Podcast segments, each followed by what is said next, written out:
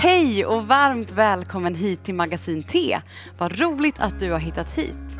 Det här är ett samarbete som vi gör i Philadelphia kyrkan tillsammans med Kaggeholms folkhögskola. Jag heter Sofia Alm och är en av lovsångsledarna i Filla. Och jag heter Stefan Sigfrids och jag jobbar som skolpastor på Kagge. Idag ska vi tala om Jesus och normkritiken. Och vi ska få en introduktion till ämnet av Fredrik Venell. Mitt namn är Fredrik Vinell och jag ska föreläsa om Jesus och normkritiken. Normkritik, det handlar om att destabilisera det som uppfattas vara det normala i ett samhälle. Eh, för det som alla tar för givet skapar också vissa ramar som för vissa innebär att man känner sig hemma medan för andra gör att man känner sig utanför och ifrågasatta. Eh, och för att dekonstruera det som uppfattas vara det normala så behöver man helt enkelt göra maktanalyser och vara maktkritisk. Det är själva idén bakom normkritiken. Och det normala i ett samhälle, det handlar egentligen om makt. Eller rättare sagt, att en viss kultur som just då verkar ha, eller har liksom normen eller har makten i ett samhälle, är de som får bestämma vad det är som är normalt och vad det är som uppfattas vara det som människor ska följa och inte följa.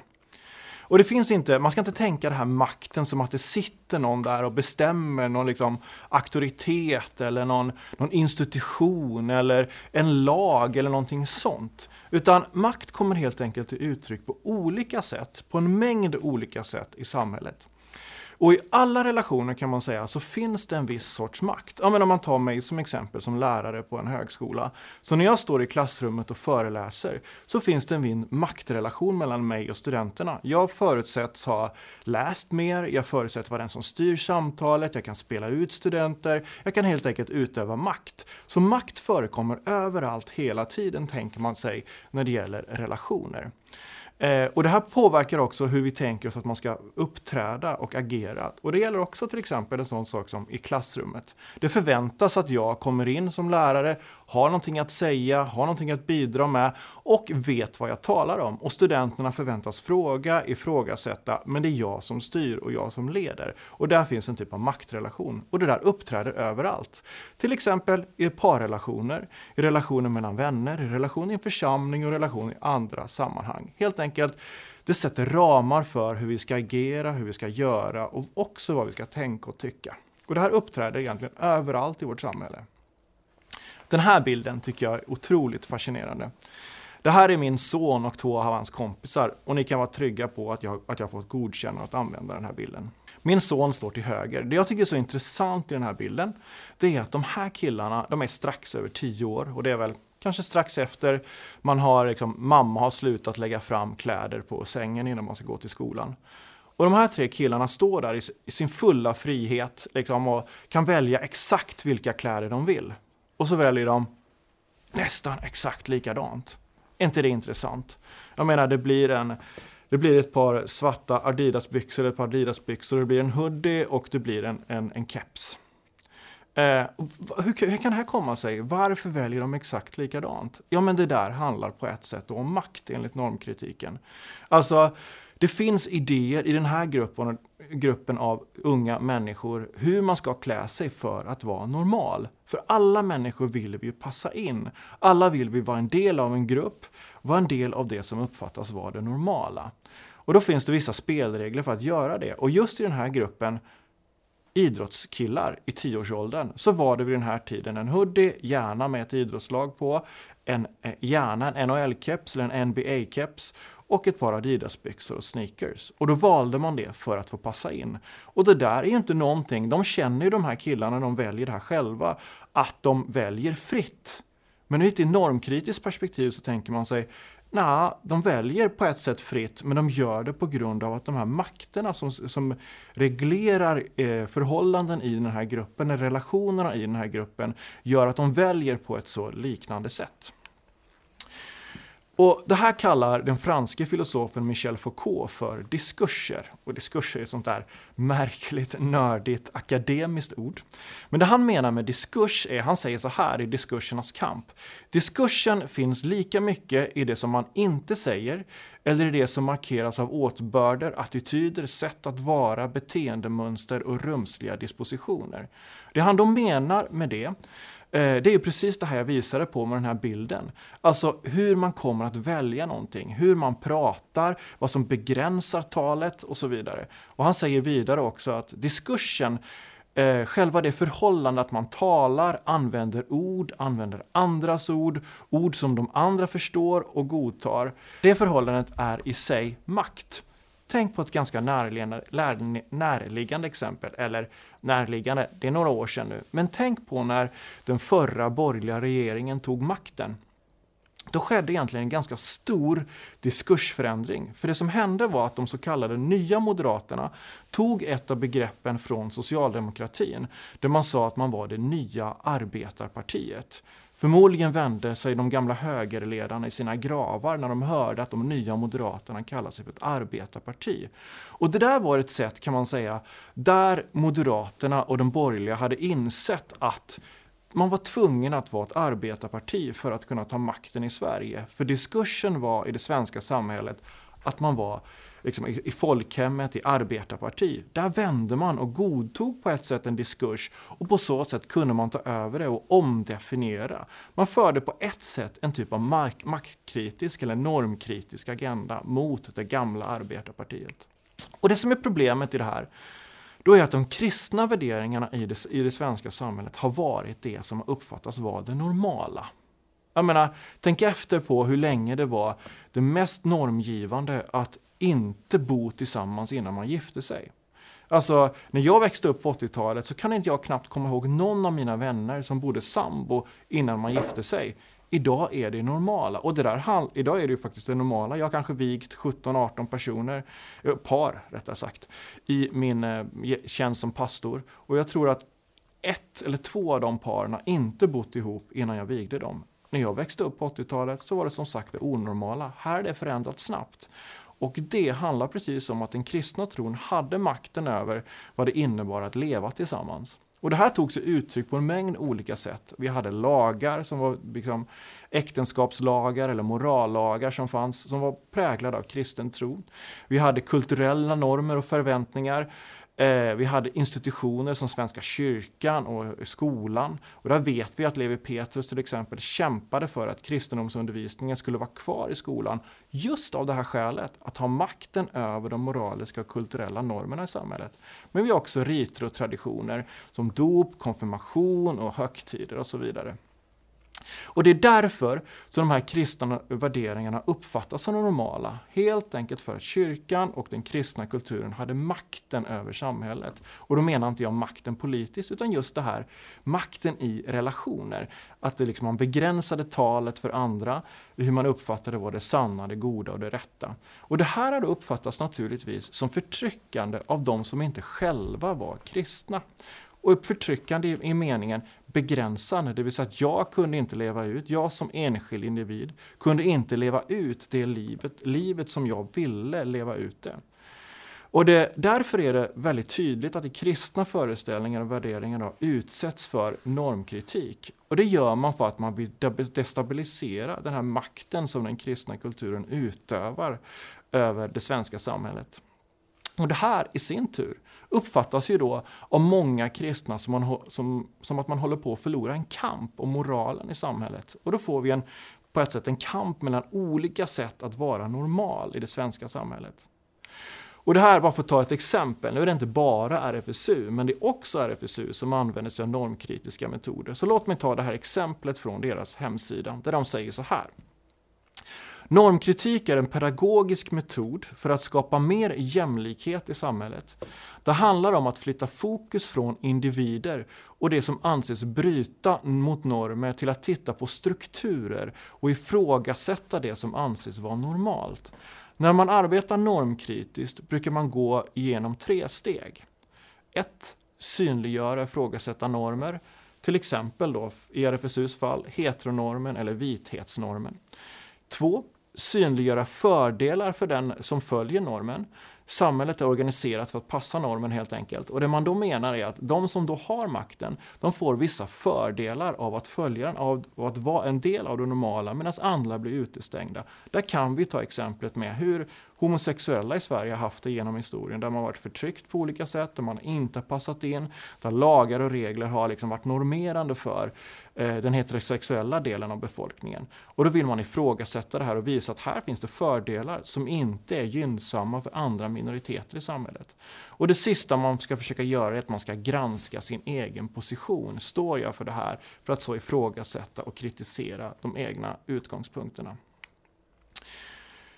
Och jag skulle vilja säga så här. Jag tycker i grunden att det här är en ganska intressant sätt. För jag skulle vilja påstå att den kristna tron är normmedveten och inte normkritisk. Och med normmedveten så menar jag att man är medveten om att normer och morallagar eller moralregler skapar förutsättningar för det kristna livet. Jag menar, vi kan titta på exempel på vad som händer i ett sånt brev som Filemonbrevet i Nya Testamentet. Det är ett jätteintressant brev. Det kortaste men otroligt intressant litet brev. För det Paulus där står inför det är att Onesimus har flytt från sin slavägare Filemon. Eh, och på ett sätt så fanns det ju då en ska man säga, en godtagen eh, slavmoral i samhället på den tiden. Och då, hur ska Paulus göra här? Ska han liksom säga till Onesimus, du måste gå tillbaka och på så sätt bejaka slav, slav, att äga slav? Eller hur ska han göra? Det han då gör är att han säger, eh, Filemon, du ska ta emot Onesimus som en broder i Kristus, säger han. Det där är jätteintressant. För han utövar på ett sätt kritik eller en medvetenhet om normer mot de föreställningarna som fanns i samhället. Och det gör han också mot bakgrund av till exempel Galaterbrevet där man förändrar förhållandet mellan man och kvinna, jude eller grek från Galaterbrevet 3, 26-28. Eller Efesierbrevet kapitel 5 där man förändrar förhållandet mellan man och hustru och i familjen. Med andra ord, det finns en normmedvetenhet i Nya Testamentet som faktiskt är slående, tycker jag. Där man helt enkelt på olika sätt inom ramen för att vara i Kristus förändrar eh, förståelsen av vad olika relationer och makten mellan olika relationer handlar om. Och just de här texterna skulle vi kunna titta, kan man mycket väl titta mer på. Galaterbrevet 3, Efesierbrevet 5. Det som är problemet, tycker jag, med den sekulära normkritiken är att den har blivit blind för sin egen grundläggande norm, den fria autonoma individen. Det vill säga att man förutsätter att vi är fria och självständiga i oss själva. När vi som kristna vet att människan är skapad i relation till andra och inte minst i relation till Gud. Så problemet egentligen med den sekulära normkritiken är att den inte är tillräckligt normmedveten. Den är helt enkelt inte tillräckligt kritisk mot sina egna grundläggande normer. Så idén om att man kan leva utan normer och vara helt fria missar att, att vi alla som individer påverkas av makter eftersom vi lever i relationer till andra människor. Och det vet vi bara i en parrelation, en vänskapsrelation, en familjerelation så vet vi att makterna, makten kommer till uttryck på olika sätt men också varierar över tid. Ibland är jag svag och någon annan stark och jag kan luta mig mot eller påverkas av makter. Så problemet med den sekulära normkritiken är att den är för lite kritisk mot sin egen grundläggande norm om den fria individen. Så det kyrkorna bör göra, tycker jag, det är att försöka fråga sig hur man visar den makt som på sanning, i sanning befriar människor. Det är den grundläggande frågan för normkritiken utifrån ett kristet perspektiv. Tack Fredrik för den där introduktionen. Nu ska ju vi få prata vidare om det här och gräva lite djupare. Och när jag säger vi, vilka är här då? Ja, då är det Samuel Hector som är pastor i Bärkyrkan Åkersberga och som jobbar på Pingst med kreativa ting. Och så är det Claes Newman som jobbar som rektor på Kaggeholms folkhögskola. Och så är det Jenny Wahlström som är lärare på Bibelskola Stockholm på Kaggeholm och sen är jag också pastor i New Life Stockholm. Underbart. Hörrni, jag funderade lite på det här, det här med normmedveten kontra normkritisk. Min, den lilla visuella bilden jag fick upp var att jag liksom håller i en ficklampa och så är jag normkritisk utåt och så riktar jag ficklampan utåt, normmedveten, då, då riktar jag den inåt. Men hur mycket får de här två begreppen, vad rör sig er när ni hör de här, om ni tänker på er tro och eran, liksom, som kristen? Är det här två begrepp som rör sig er då? Att vara normkritisk och normmedveten? Är det något man är samtidigt? Är det skilda saker? Hur tänker ni? Men jag kan väl inleda med lite transparens. Nej, det har jag inte tänkt på speciellt mycket. Det måste jag nog säga. Åh, jag är kristen, undrar hur jag är normkritisk och normmedveten. Men när jag lyssnar på Fredrik så är det klart att då börjar man tänka efter lite. Och eh, då finns det en del att reflektera över. Men, men det är lite otrampad mark för mig. Jag vet inte hur det är för er. Jo, nej, men så är det väl. Det är, det är, kanske, det är ju inte begrepp som liksom kommer ur kyrkans värld ursprungligen, utan det är ju teoribildning från andra håll, så som Fredrik förklarar. Eh, Men jag tycker det känns ganska hemma med mycket av det, med de förklaringar som Fredrik gör utifrån bibeltexterna och Jesus och Paulus. Det här normmedvetna och normkritiska förhållningssättet finns ju någonstans där. Sen har väl kanske kyrkan inte alltid varit bäst i klassen på normkritik eller normmedvetenhet, får man väl säga, historiskt. Ja, men jag tänkte på att eh, det finns också en skillnad. Jag tänker att när, när han pratar om att eh, vissa normer som lever kvar i vårt samhälle kommer från när kristen tro var normgivande. Ja. Så tänker jag att om vi backar den kristna historien så finns det ju, jag tänker från Konstantin och framåt, då blir ju kristen tro blir det som formar hela samhället, i alla fall en europeisk, där vi finns nu och som vi lever kvar i fortfarande. Men nu lever vi i ett läge där där kristen tro längre inte är, eh, dominerar samhällsbilden på det sättet.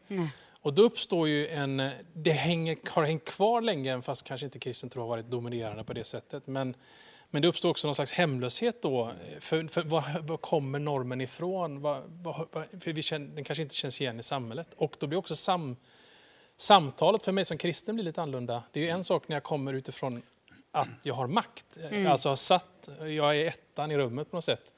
Men nu är jag inte det, fast ändå lever många av normerna kvar. Jag- tycker samtalet blir får en annan dimension då. Eh, Jag tänker ibland att en del kristna vill ju gärna säga, ja, men så här säger kristen tro, så här ska det vara i samhället. Eh, Men om de i samhället inte har kommit överens om vad som, att de är med på kristna tron-konceptet, då kanske det är svårt att föra samtalet om att då ska det vara som kristen tro säger. Så Ja. jag brukar tänka själv att jag skulle kanske önska att samhället dominerades mer utav de övertygelser som jag uppfattar finns i Bibeln, det Jesus står för. Men jag kan inte kräva det av samhället förrän fler är överens med mig om att vi tror på Jesus. Alltså jag kan inte föra in hela moralpaketet till exempel på samhällets arena innan vi är överens om att men det är Jesus som är centrum. Eh, Jag är inte säker på att alla håller med mig, men jag, ibland så är det som att vi försöker vända på, på kuttingen och trycka på kristen norm på ett samhälle som inte tror på Jesus än. Förstår ni vad jag menar? Men är det därför man drar sig fortfarande om man tänker att nu är vi inte riktigt de, kanske de, men det är inte vi som har makten på det sättet, men som du säger, fortfarande är det många normer som härrör från kristen tro. Men är det därför vi inte riktigt vill vara normkritiska, att man fortfarande liksom, vi har ju ett litet finger med i spelet. Fattar du vad jag menar? Kan det, kan det ligga något i det eller? Ja, men kyrkan har ju historiskt haft väldigt mycket makt i samhället och varit normerande. Och, och då är det helt naturligt att normkritiken blir en kritik mot kyrkan och kyrkans normer och kyrkans makt. Och det kanske har burit kyrkan emot. Att bli kritiserad, att bli ifrågasatt, att få försvara och förklara. Men idag är ju bilden, successivt i alla fall, eh, blir allt mer en annan. Där kyrkan inte är den dominerande rösten eller har all makt, utan en röst bland många. Eh, och då kanske också normkritiken blir mindre hotfull och mer en hjälp också i den kyrkliga kontexten, hoppas jag. Mm.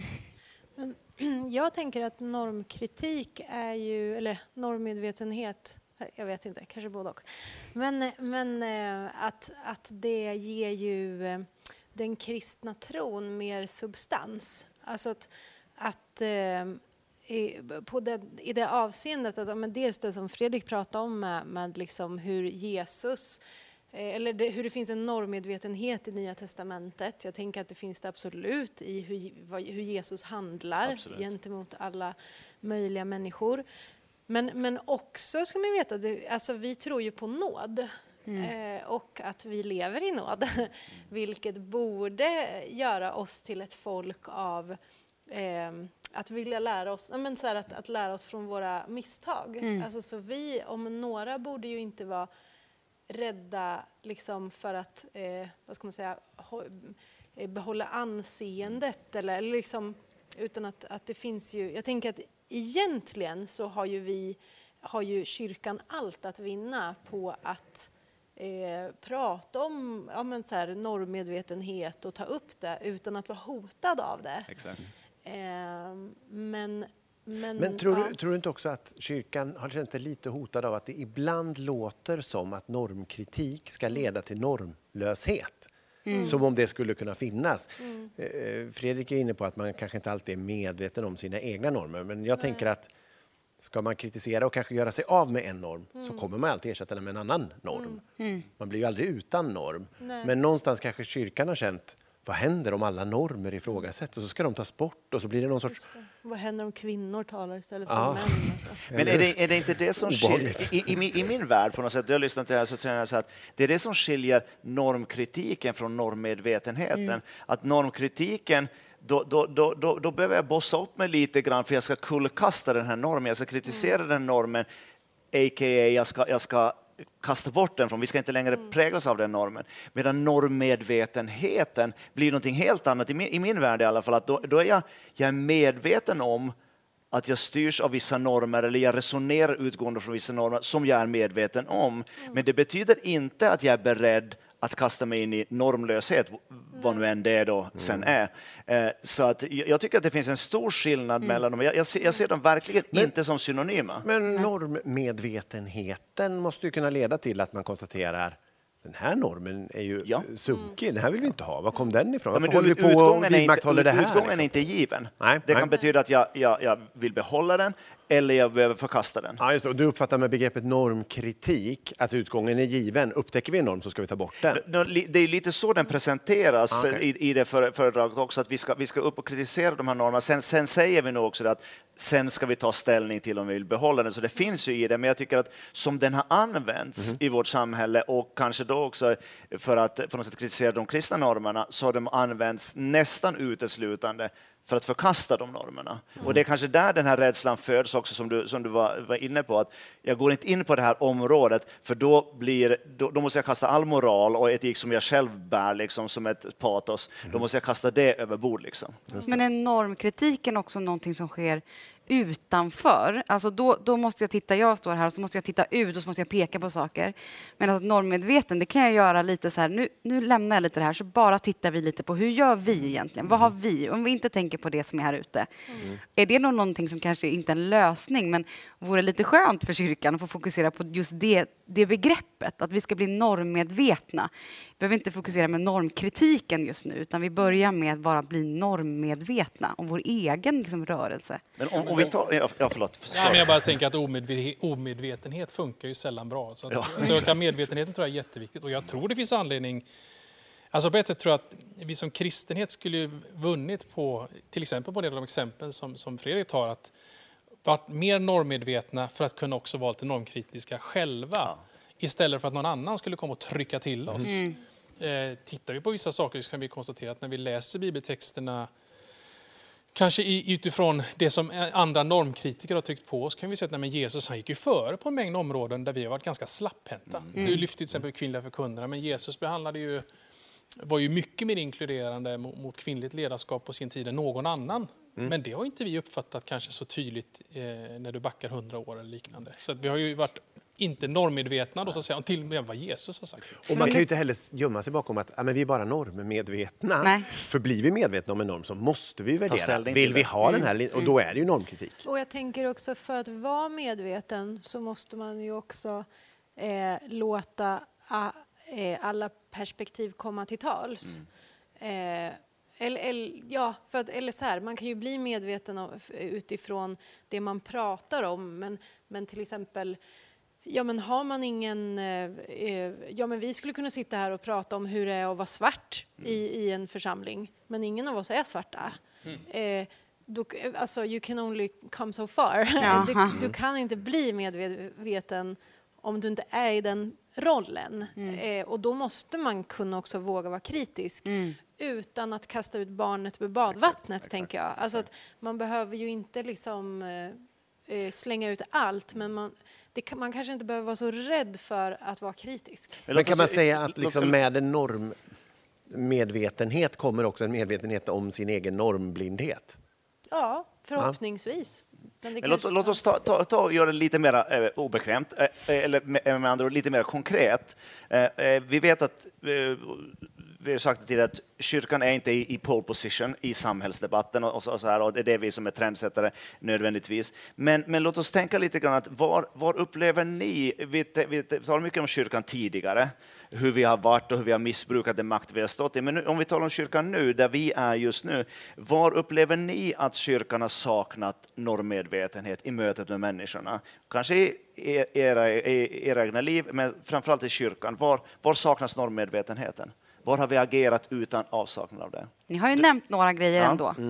Men Scenen.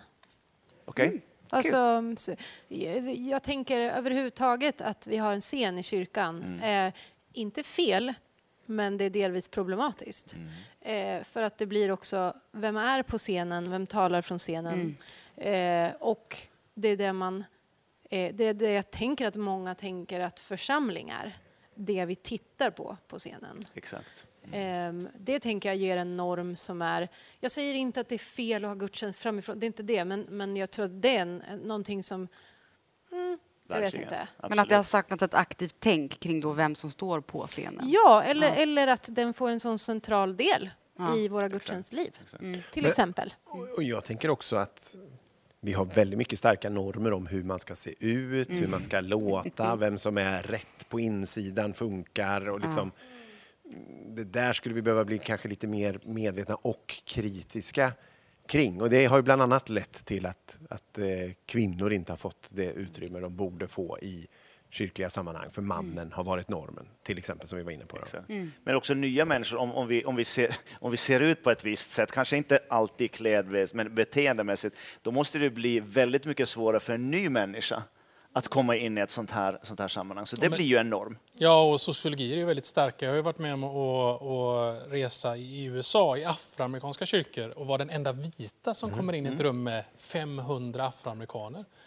Ja, Det, det är en oerhört obekväm position. Eh, antingen blir man exotisk och omhuldar av den anledningen, så tittar faktiskt folk snett på en och undrar vem, vad man, om man har kommit fel. Och jag tror att det där Det kan vara ganska nyttigt kanske. Ja, det har varit en var nytt när jag gjort det. Men jag tänker på det här, det, det finns bibelställen där det står att eh, det är när Jesus driver ut eh, månglarna ur templet, sen att det ska vara ett, i ett av evangelierna så står det att, att han säger att det, det här är ett böneshus för alla folk. Ja. Så jag tänkt på det ordet alla folk och liksom processat det i mitt inre, i den egen kyr, min egen kyrka där jag finns. Liksom, är det här verkligen en plats för alla folk? Och då finns givetvis etnicitet, men även skippa den då. Alltså är det, får verkligen folk från lite olika walks of life vara här?